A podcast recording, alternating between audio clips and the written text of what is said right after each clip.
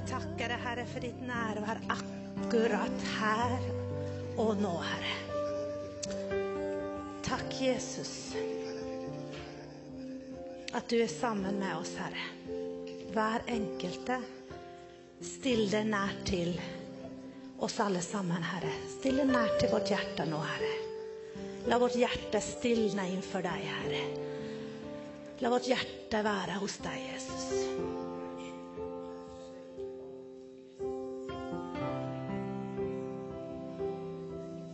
Du taler til hver enkelt, Herre. Taler om hemmeligheter som bare du kan med oss hver enkelt, Herre. Amen.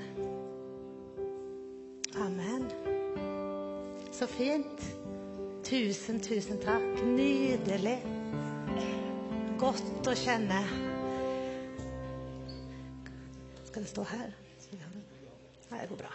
Det går bra. Så fint. Har du det bra? Ja. Du, da har jeg det store privilegiet i dag å få dele med dere ordet, evangeliet, og det gleder jeg meg til. Er du klar? Ja, det tror jeg du er. Vi holder på med det her Nå ut, som vi starta med forrige søndag. Og da ble det litt heftig når Erlend setter i gang By the Rivers of Babylon. Men det skal dere slippe i dag. Men søke byens beste, det var det Gud ba dem om å gjøre når de kom til Babylon. Men de satt der ved floden, og de kunne ikke synge lovsangene, for de var i et fremmed land. Det var ikke lett å synge lovsangene der. Og jeg er sikker på at du føler litt av det samme på pauserommet med kollegene i, på torget, i studenttorget. Det er ikke så lett å lovsynge Herren i et fremmed, litt annerledes land enn det er her. Du er ikke like frimodig uti der. Og så kjente de òg. Og så kjenner du og jeg at her er det godt. Her tenker vi likt. Her kan vi være oss selv. Men det er litt mer trublete å være den frimodige ute der. I kveld nå skal du få lovsynge dine lovsanger her, men nå skal vi i dag snakke om de andre ute der. Ok? Jeg er sikker på at du ønsker å dele din tro. Det er jeg helt sikkert. Det er noe som ligger i deg.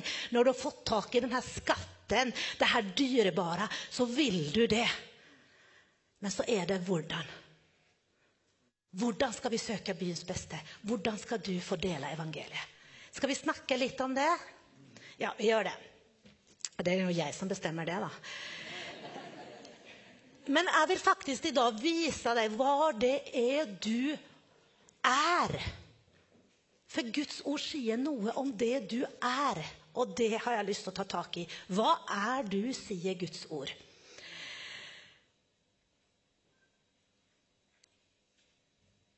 Og så har jeg et spørsmål, og det er jo Møter du andre mennesker? Er du sammen med folk? Eller er det noen her som ikke er sammen med mennesker?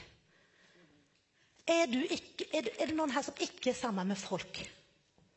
Det er ikke det. Og Derfor tenker jeg du er inkludert i denne talen. Du er sammen med mennesker, du er sammen med folk. Ok?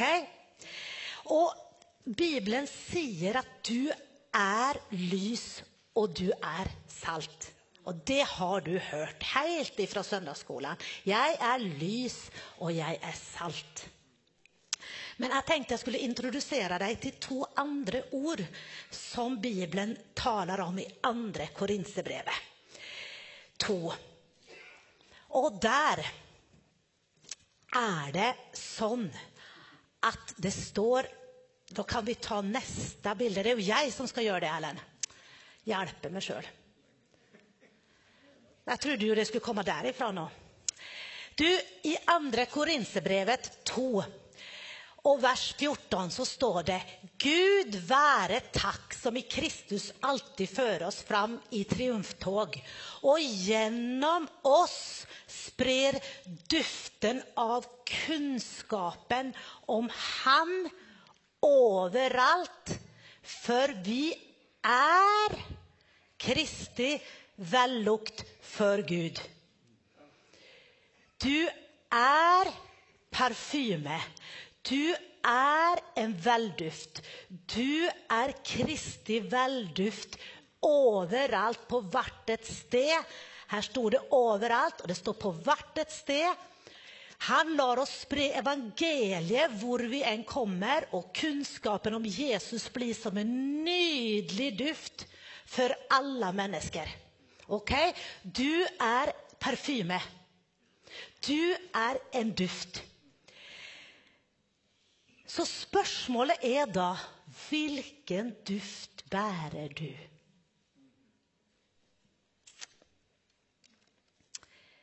Og så har vi jo duften av Old Spice, folkens.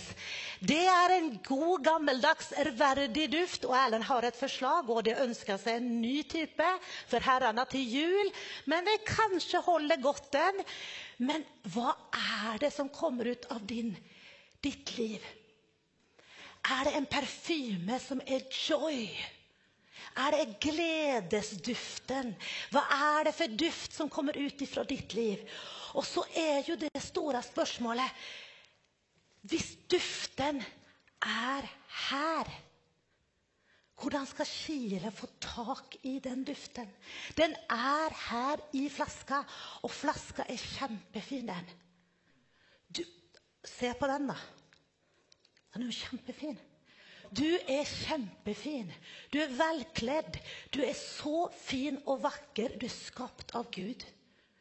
Men det hjelper så lite at denne Kristi velduften, denne, denne parfymen som han vil ha ut fra livet ditt, hvis du beholder den her.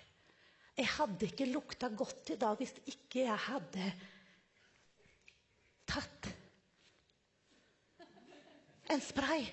Og vet du hva? Der er det folk får tak i det. Der er det Kristi veldukt kommer ut. Der er det. Fantastisk. Å, det bare lukter, og det er så vakkert. Og folk bare «Hm, Hva er det med deg, Ulla-Britt? Hva er det? det? Det dufter så godt om livet ditt. Du har trygt ut litt joy, fred, kjærlighet, glede. Du har brydd deg, du har vært omtenksom. Og det kommer ut når du sprer det. OK? Du er Kristi velduft. Og da er det jo viktig hvilken parfyme vi bruker. Og Kristi Kristi vellukt er en dyrkjøpt parfyme. Den er dyrkjøpt. Han gav sitt eget liv. Så den parfymen må vi og i de gamle jødiske skriftene så er velduften Guds visdom. Så du besitter Guds visdom, og så kommer den ut.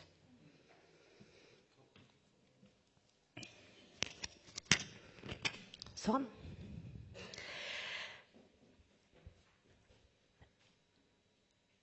Jeg må se på litt anteckningar her. Er det greit, det? Så går vi videre et hakk. Og da sier Guds ord noe med du er. Dere er vårt brev, skrevet i våre hjerter, kjent og lest av alle mennesker. Er dere er tydelig at dere er Kristus brev, blitt til ved vår tjeneste, ikke skrevet med blekk på steintavler, men skrevet av ånder i menneskets hjerter. I Vardagsbibelen så står det vi leses som en åpen bok av alle mennesker. Alle kan se hvilke forandringer Jesus har gjort i livene deres. Denne forandringen er en bekreftelse på din tjeneste.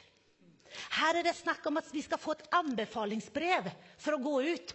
Hvem skal skrive et anbefalingsbrev? For meg er det noen som kan skrive at jeg er god, at jeg har noe å komme. Nei.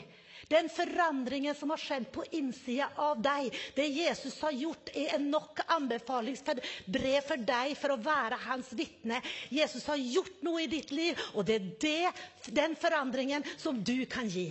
Så du trenger ikke noe anbefalingsbrev, du trenger ikke å være noen annen enn du, du er den du er sjøl. For det som Gud har gjort, det er det som skal komme ut. Det er det anbefalingsbrevet, det som har skjedd på innsida av det. Den opplevelsen av Gud, det han har gjort, det enkle, det lille. Det som du kjenner at Jesus har rørt ved deg. Det er det anbefalingsbrevet. Men allikevel så står det her at du skal være tydelig brev, og du skal være lett å lese. Og jeg vil bare si det. Folk leser deg. Du trodde ikke det, nei? Jo da, du har sagt at du er kristen. Du har sagt at du går i Betel. Du har sagt det og det, og folk leser deg. Wow, som de leser deg. De sjekker hvem du er. Har baktaler du? Er du gjerrig? Er du med på korrupte ting? Er du, hvordan er du? Er du sur for småtteri? Hvilket brev er du til mennesker? Og jeg var jo frista da til å ta med meg brev. Og det første brevet, det er det her brevet som kommer i posten. Og jeg vil ikke lese det. Jeg det rett til Erlend. For jeg veit at i dette brevet så ligger det et krav. Et skikkelig krav. Og jeg er ikke glad i hvite konvolutter med vindu. Og folkens, du kan stille krav til deg selv. Og de kravene du kanskje stiller til deg sjøl, stiller du kanskje til andre. Du stiller krav kanskje til dine barn. Vi stiller krav av noe merkelig grunn. Det kan dere forklare for meg. Kravbrev kan bli oppfatta veldig negativt. Jeg har hørt at kristne har kommet som et krav til andre mennesker. Det er det vi har med oss. Det er så mange bud, det er så mange regler, det er så mange krav. Jeg, jeg vil ikke ha det der. Så spørsmålet er hvordan du får det her. Det er ditt. Eh, så hvem er du i brevsform? Vi har et annet brev. Og det er de her brevene, vet du. Ho-ho, når de kommer i posten. Vet du hva? Blir du glad når du får det her brevet? Er det troverdig? River du opp? Du vinner en million. Du får alt. Bare du kommer til Jesus, så ordner seg alt. Åpner du det her brevet? Er det troverdig? Sti, H. Stiansen her, når H. Postlotteriet du vet, Vi unner ikke det en tanke. Vi bryr oss ikke om å åpne. Jeg har aldri åpna de her brevene. Det er derfor jeg kan bruke dem her. For vet du hva? Altså, vi er sånn Be happy, go lucky. Og det er sant. Jesus gir oss en glede. Bare du svarer ja, så er du frelst, og så glemmer vi deg. Men vi har sagt at du har blitt en kristen. Det er ikke så enkelt. Det er mennesker det handler om. Det er mennesker som sier ja til Jesus, og vi må følge dem. Vi må kanskje fortelle dem at det er en karius og baktus. Det, noe, det er godt, det her, men det fins noe motstand òg. Du møter noe. Det er noe annet òg, som Skriften taler om. Så de her brevene blir ikke så troverdige. Men så har vi da det fantastiske brevet som kommer i postkassen din. Til deg. Personlig, syrlig håndskrift. Og du bare tenker ah, Er det en invitasjon? Hva er det som skal skje? Skal jeg få være med på noe? En invitasjon til bryllup? En invitasjon til fest? Til Kari Ola Nordmann, Nordmann Byåsveien, Trondheim. Avsendere fra din himmelske Far. Vet du hva? Et kjærlighetsbrev, et personlig brev, det er du. Du er et personlig brev, et personlig vitne for Jesus til dine medmennesker. Og når de blir invitert inn i ditt liv, så plutselig så sitter de i mesterens bord. Så er de invitert til Faderen. Det her er det brevet du og jeg ønsker å være.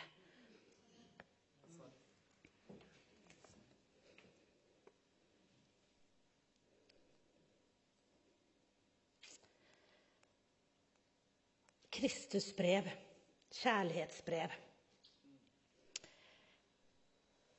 Det hadde vært veldig tragisk om ingen hadde sett det som har skjedd på innsida av deg og meg. Vi må aldri skjule det Jesus har gjort. Jeg må ikke glemme den uroa, den ensomheten som fantes før Jesus kom inn her inne. Når jeg var villig til å kaste alt på søppelhaugen for å vinne den skatten. Når jeg tok et standpunkt. Jeg var fin, jeg var god, jeg var relativt snill. Men jeg var vilsekommen, jeg var urolig, jeg var ensom. Jeg var uten retning, uten kjærlighet. Og jeg leta etter det lesbare brevet. Jeg leta etter det parfymerte brevet. Hvem kunne dufte en retning? Hvem kunne fortelle meg hvordan det gikk, hvordan jeg kunne gå fram? Jeg trengte ikke hele evangeliet. Jeg trengte ikke alle svar. Jeg trengte noe som sa noe om et håp. Om at, at de har funnet Jesus. Jeg, du skjønner at vi leser De leser oss kristne. Vi er attraktive. Og det er ikke pga. din dyktighet, som det står i 2. Korinserbrev 2, at vi er velduft. Men det er for at han har lagt det ned i oss. Og det er det de kjenner. Men det er vanskelig å gripe tak i det, men de kjenner det. Og jeg skal dele et vitnesbyrd helt til slutt i dag om nettopp det her. Du er attraktiv, og de leser deg. Så det her var del én i dag. Nå har vi snakket om hvem du er. Du er et parfymert brev. Du er en velduft og et åpent, lettlest brev. Da skal vi gå til andre avdeling i dag. Hvordan kan vi samtale med mennesker? For du skjønner det at ah, Vi skjønner at det er vanskelig. Det er et fremmed land. Vi er i Babylon. Er, de, de, forstår ikke denne mysteriet. Og det kjenner du og jeg. Og vi veit ikke hvordan vi skal gjøre det. Og Mange ganger har vi gjort det sånn i plikt. 'Jesus elsker deg.' Eh, eh, vi snakker 'Hvem elsker meg?' Du, eh, hvor kom Jesus inn? For Du har ikke sagt noe om Jesus før du sier det. Og Det er nesten sånn, det høres ut som en plikt at du måtte si det nettopp for den gode samvittigheten. Altså, vi kaster ut setninger som folk kanskje ikke finner en sammenheng i. Har, du, har vi vært der noen gang? At de har sagt 'Gud velsigne det', og så bare plutselig, liksom. Men kanskje i en sammenheng er det lettere for folk å forstå. Å ja, og da tar de imot. Så la oss se på den etiopiske hoffmannen. Og Det er en kjent historie, men det er fantastisk. Og I dag skal vi se på hvordan Philip møter hoffmannen og hans følge, sikkert. Eh, det er jo vekkelse i Samaria. Og han har jo masse folk rundt seg. Og det, Philip han syns det her er fantastisk. Men så kommer det en engel og sier til ham Gå av sted til et øde sted. Forlat dette og gå av sted til, til, til, på fjellet. Og det er jo litt sånn forskjell på det å være midt i vekkelsen eller stikke av til fjellet. La oss lese. En engel fra Herren talte til Philip og sa, gjør deg klar og dra sørover på veien fra Jerusalem til Gaza. Det er en øde strekning.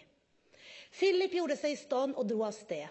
Han fikk se en etiopisk hoffmann, en høy embetsmann som hadde tilsyn med skattkammeret hos Kandeik eller Kandake, dronningen i Etiopia. Han hadde vært i Jerusalem for å tilbe. Nå var han på vei hjem, og han satt i vognen sin og leste profeten Jesaja. Her er det en mann som har vært og tilbedt. Det er mange søkende rundt oss. Om de ikke akkurat tilber Gud, men de, har vært på et, de kanskje har vært på en sterk julekonsert nå før jul. De har opplevd noe som de er søkende. De er så søkende, men så søkende at de griper tak i all slags i dag. Mennesker har alltid søkt mål og mening. Det eksistensielle ligger så djupt at vi vil søke det. Så ta utgangspunktet folk er søkende. Og denne mannen hadde faktisk gjort noe for å søke. Han hadde vært og tilbedt. Da sier ånden til Philip, når han ser det her hele det her toget Jeg kan tenke meg at det var litt vogner og litt hester og litt eh, stæsj. Så sier ånden til Philip, en vanlig mann, en Jesu disippel, gå bort til vognen og hold deg tett opp til den. Philip sprang bort. Ser du at ånden kviska? Han han bare Gå og sett deg ved bordet og spis matpakken der i dag. Gå bort. Sett deg der, på den benken. På flyplassen. Gå bort på kantina. Hun, hun er alene der nå. Gå bort. Sånne ting kan jo en Herren si til deg og meg òg. Det er ikke så spesielt. Hæ? Men han gjorde det. Han lena seg inntil vognen. Hvis du skal komme i berøring med mennesker, så må du lene deg inn og komme nær. For du må komme innom hørhold. Så på sirkus så må du gå litt tett attmed, så du hører noen som snakker, liksom. Det er noen som stiller et spørsmål, eller du kan være til hjelp. Eller en kollega som har 'Helgen er ferdig. Jeg har vært så trøblete. Jeg har krangla med mannen min hele helgen.' Er du langt unna den samtalen, det utsagnet, eller er du tett inntil? Lytter du, er du tett inntil. Hvis du ikke er tett inntil, så kan du ikke dele av visdommen din. Så det første, det er å gå nært inntil. Og tørre det. Hvordan torde Philip å gå attmed en sånn vogn? Høy embetsmann. Jeg mener, hvis du, hvis dronning Sonja og Harald har vært på Nidaros og hatt en sterk opplevelse, og du møter dem over Dovrefjellet, og du ser ekvipasjen, da får du litt sånn Men du begynner ikke med ditt eget. Du begynner ikke å predike ditt. Du stiller deg for å lytte. Du vil gjerne lytte. Du er ikke så kaksig da. Og likeså med, din, med din kollega. Med din, det folken du har rundt deg. Lytt. Lytt. Og så leser vi. Da han hørte at han leste fra profeten Jesaja, spurte han. Forstår du det du leser? Hvordan skal jeg forstå, sa han, når ingen forklarer det for meg? Vi stiller et spørsmål, kanskje til vår kollega. Hvordan var det? Hvordan opplevdes det? Sånn og sånn. Vi begynner å spørre, og så kommer spørsmålet. Jeg veit ikke hva jeg skal gjøre. Du trengs i andres prosess. Når du lener deg inn, og du får høre hva de er opptatt av, så trengs du for å geleide dem videre. Forstår du hva det vil innebære? Hva vil det si for deg? Og her var det ordet. Så ba han Philip komme opp i vognen og sette seg ved sida av ham. Wow! Wow! Han ba Philip komme opp i vogna. Hva har skjedd her? Har han fått tillit til Philip? Har han fått kjent lukten av noe som vil komme, noe som du har? Han ber han opp i vogna. Nå må du heise flagg når du blir bedt inn i en annet menneskets liv. Når du blir bedt om å ta kaffen i lag. Når du blir bedt på, en, på, en, på et bursdag hjem til noen. Du blir bedt inn i samtalen. Da må du tenke oho! Du har kommet opp der. Inn, du har blitt bedt inn. De har sånn tillit til deg at du er her nå. Men hva skjer når du er der? Kommer dine dogmer, kommer dine krav, kommer dine sannheter? Nei, når du kommer opp, opp i vogna, så tar du den andres perspektiv. Hvordan ser verden ut herifra? Oi, har du de problemene? Strever din sønn eller din datter med kjønnsforvirring? Ja, det mente jeg var der nedifra. Men når jeg kommer hit opp og får satt meg i vogna Ja, det her skjønner jeg er trasig. Det her skjønner jeg ikke enkelt. Det her skjønner jeg Altså, skjønner du? Spørsmålet, perspektivet vårt, blir annerledes når vi har satt oss inn i den andres perspektiv. Følelsene, meningen, kanskje endres. Det som var sant for meg, kanskje liksom bare Oi, kanskje man kan se det på den måten.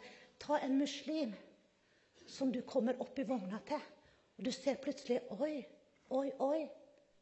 Vi har mange historier der våre egne tanker endrer seg litt for å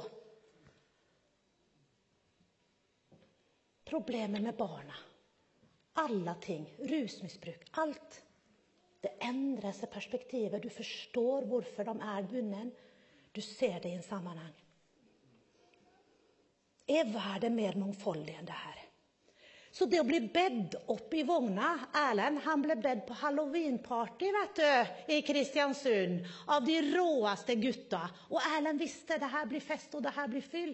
Og han skulle preke dagen etter. Han sa jeg har ikke så lyst til å gå på det halloweenparty. Jeg tok på meg klær og gikk.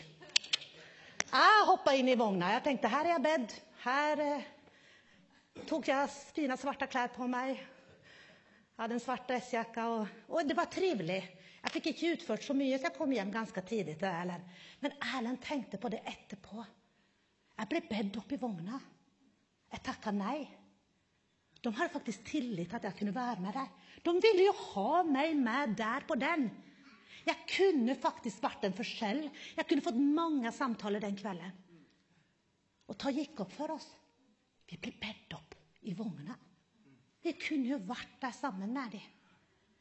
Der bomma vi. Hoffmannen han sa til Philip, si meg, hvem er det profeten taler om her? Er det om seg selv eller noen annen? Da tok Philip til orde. Da tok Philip til orde. Han begynte med dette skriftsted. Han begynte med dette skriftsted og forkynte evangeliet for ham. Hva er det Philip gjør her? Han har sittet i vognen, vet ikke hvor lenge, men han ventet inn spørsmålet. Du og jeg, vi vet så mye, og vi kommer så fort inn med at Jesus er svaret. Men han ventet inn behovet. Han ventet inn spørsmålet. Og når han da begynte å legge ut, da tok han utgangspunkt i det som var spørsmålet. Derifra forkynte han evangeliet. Og du hører når den kollegen sier noe, om det handler om eh, ekteskap, om det handler om samliv, om det handler om barna, om det handler om at de ikke har mening i livet sitt, at de er rotløse, at de lurer på om Gud finnes, hvorfor det er kriger. Du hører hvor de er. Kunne ta utgangspunkt og det behøver jo ikke være sånn at han prediker hele Du kan jo si at Jesus er kjærlighet. Jesus har håp. Jesus vil hjelpe. Helt enkle setninger. Men det er Jesus. Der må du si Jesus. Der må Skriften komme. Der må ordet komme. Der må du tørre. For Hvordan skal jeg kunne tro hvis ingen forklarer for meg? Det er jo akkurat det Hoffmannen sier her. Noen må forkynne for meg. Forkynnelsen er viktig. Der ser vi at den kommer for fullt. For fullt. Dere er så stille. Dere er så stille. Bibelen har svar på alle livets spørsmål. Er du ikke enig i det? Alle spørsmål har Bibelen svar på. Så vi summerer opp. Len deg inn mot vognen. Du trengs i andre menneskers prosess mot Kristus. Og Erlend skal dele neste søndag om de her stegene mot Kristus. For det er sånn at du kan være med og så og vanne og høste. Han Philip fikk høste her, men du kan så og så og så og legge ut sånne her som jeg snakka om forrige søndag, en dame og jeg her i kirka. Du kan legge ut såkorn som leder fram til Kristus. Du kan vanne. Det er ikke så farlig.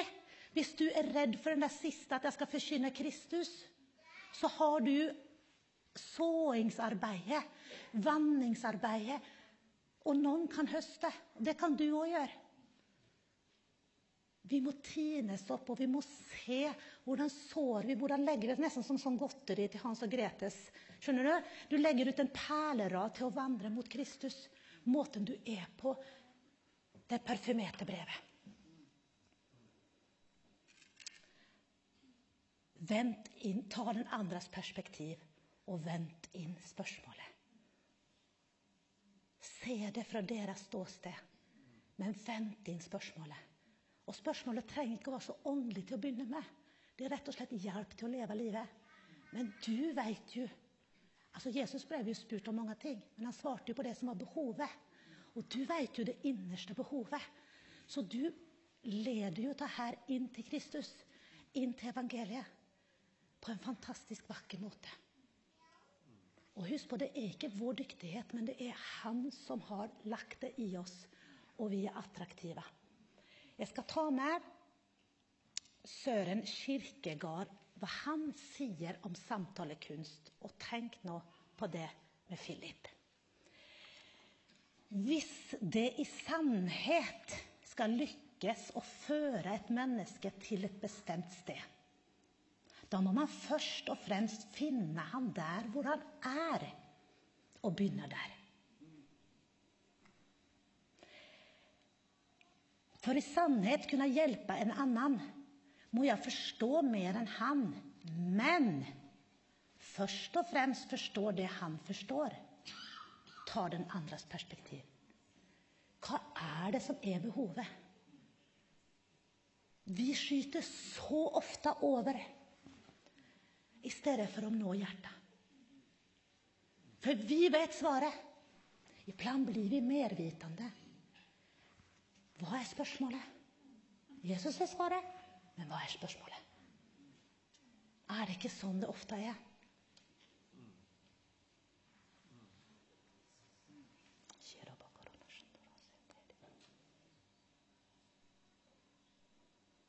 Og jeg vil inkludere alle dere i denne preken.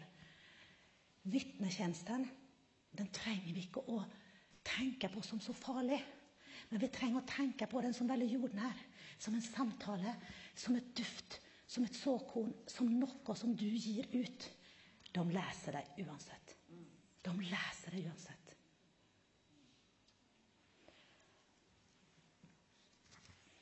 Jeg tenker på om det er noe Gud vil si før jeg skal dele det vitnesbyrdet.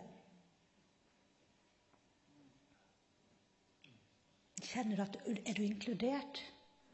Er det for langt opp? Er det for høyt fram? Erlend slo av tonen i går sist. At vi skal plante og rote det blant vårt folk og søke den byens beste. Og det var på en måte en tone. Der skal vi være. Men derifra til at jeg skal gå ut, så er det et gap. Og det er det gapet jeg vil tette i dag. For det var så bra sist søndag hva vi kalte hva hensikten vår er med å være her. Og hvordan det føles å ikke være av denne verden, men i denne verden. Men jeg vil at du skal tette dette gapet og trine opp deg, slik at du kan kjenne at vet du, jeg får dele denne Jesus.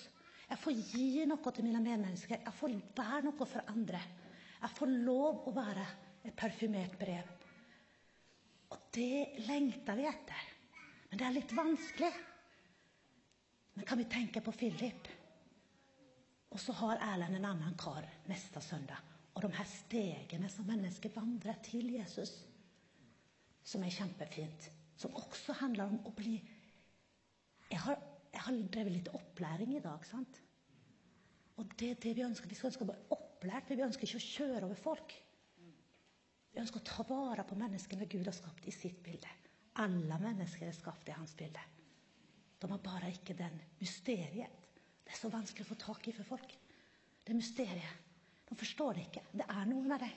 Du er så attraktiv. Men jeg vet ikke hva det er. Kan du ikke være så snill å si noe?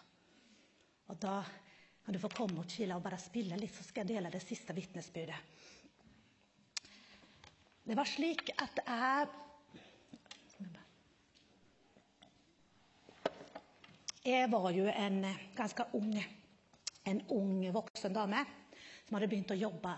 Var ferdig utdanna, begynte å jobbe i barnehage. Og så skjer det en livskrise. Og jeg var urolig på innsida. Og jeg visste jeg var lei meg. Såra. Sveket. Og det var ikke sånn at det var noe Jeg klarte å være på jobben, og ingen så det på utsida. Like fri og like glad. Fin, fint menneske. Men jeg hadde så vondt på innsida. Og sånn er det mennesker kan ha det. Jeg var i et kollege, og i Sverige så er jo ikke veldig mange frelste folk i det kollegiet. Det, det vet vi jo at det ikke er. Men det var én jente. Hun gikk i misjonskirka. Det tror jeg hun hadde sagt. Ellers hadde ikke jeg visst det i dag. Og så hadde hun et kors. Og når jeg jobba der og hadde det så vondt, så søkte jeg meg til henne. Pausene, når vi skulle ut med barna, så sto jeg attmed henne.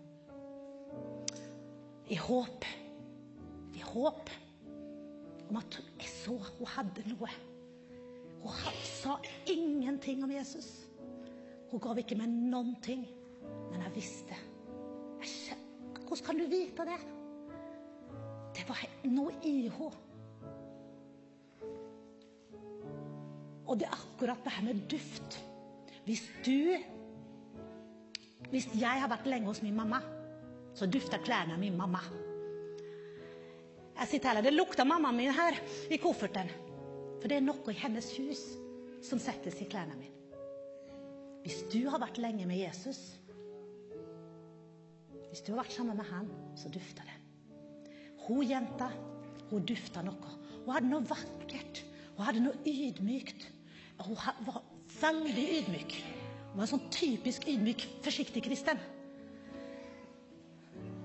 Det var fint. Men jeg var hungrig. Til slutt så sa jeg skal du og jeg gå på kurset sammen. Kan vi møtes utenfor, du og jeg? Ja, vi kan gå på kurset sammen. Jeg søkte anledning til å få kontakt med henne. En dag kommer hun og sa jeg har fått en sønn. Eller det visste vi jo, da. Så sier hun han skal hete Emanuel. Emanuel. Ja, vi har ikke peiling på hva det betydde. Jeg bare synes, jeg husker den i dag. Hun sa aldri noe til meg om Jesus. Jeg tenker ikke at det var fryktelig galt. Jeg skal hilse på henne i himmelen. Jeg vet ikke hvor hun bor, jeg vet ikke hvor hun bor, hva hun heter eller nå, men jeg møter henne en dag og sier du var attraktiv. Du lukta, du dufta, du var et brev, men du var litt utydelig. Hun kunne ha gitt meg hele Hun kunne opplevd og båret meg fram til Jesus. Hun kunne fått den æren og vunnet meg for Gud. Nå var det jo heldig at det var andre sirkler og kroker, og jeg ble dratt inn. Det var forresten en venn til min venn som jeg skulle kjøre hjem. Han sa 'Har du hørt om Jesus?' Han var veldig frimodig. Men det, egentlig så husker jeg bare det som en preken. Men det var mange andre tilfeldigheter og møter med kristne. Det var en jente i USA som ba høyt for maten blant oss sekulære, tøffe ungdommer. så ba hun høyt 'Takk, Jesus for maten. Ba hun hver gang vi skulle spise. Og vi bare Det var litt sånn fra Hvor kom du ifra? Dettende ned fra, fra Mars. Men hun gjorde det frimodig. Så det er ulike veier og ulike måter. Men denne jenta hun hadde noe attraktivt. Og det er det jeg vil si til deg. Om du er ekstrovert, introvert, om du er frimodig eller forsiktig, det spiller ingen rolle. Det Gud har gjort i deg, er anbefalingsbrevet for at du skal kunne være duft og brev. Og husk på, selv om du er forsiktig, så ser de Kristus i deg. De kjenner det, men får ikke tak i det. Så du må gi det ut litt.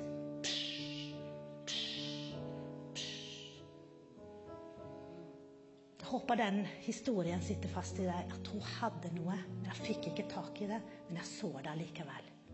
Og det førte meg til slutt til Jesus.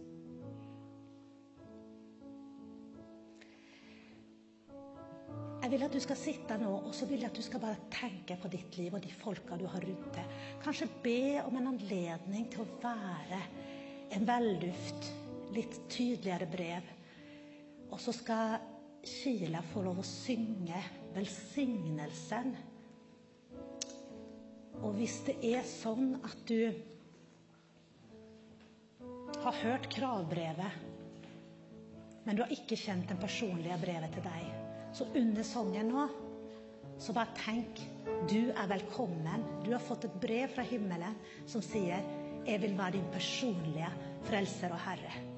Og det brevet kan du åpne under denne sangen i dag og si ja takk. Ja takk. Det er fantastisk. Det er godt. Så vær så god.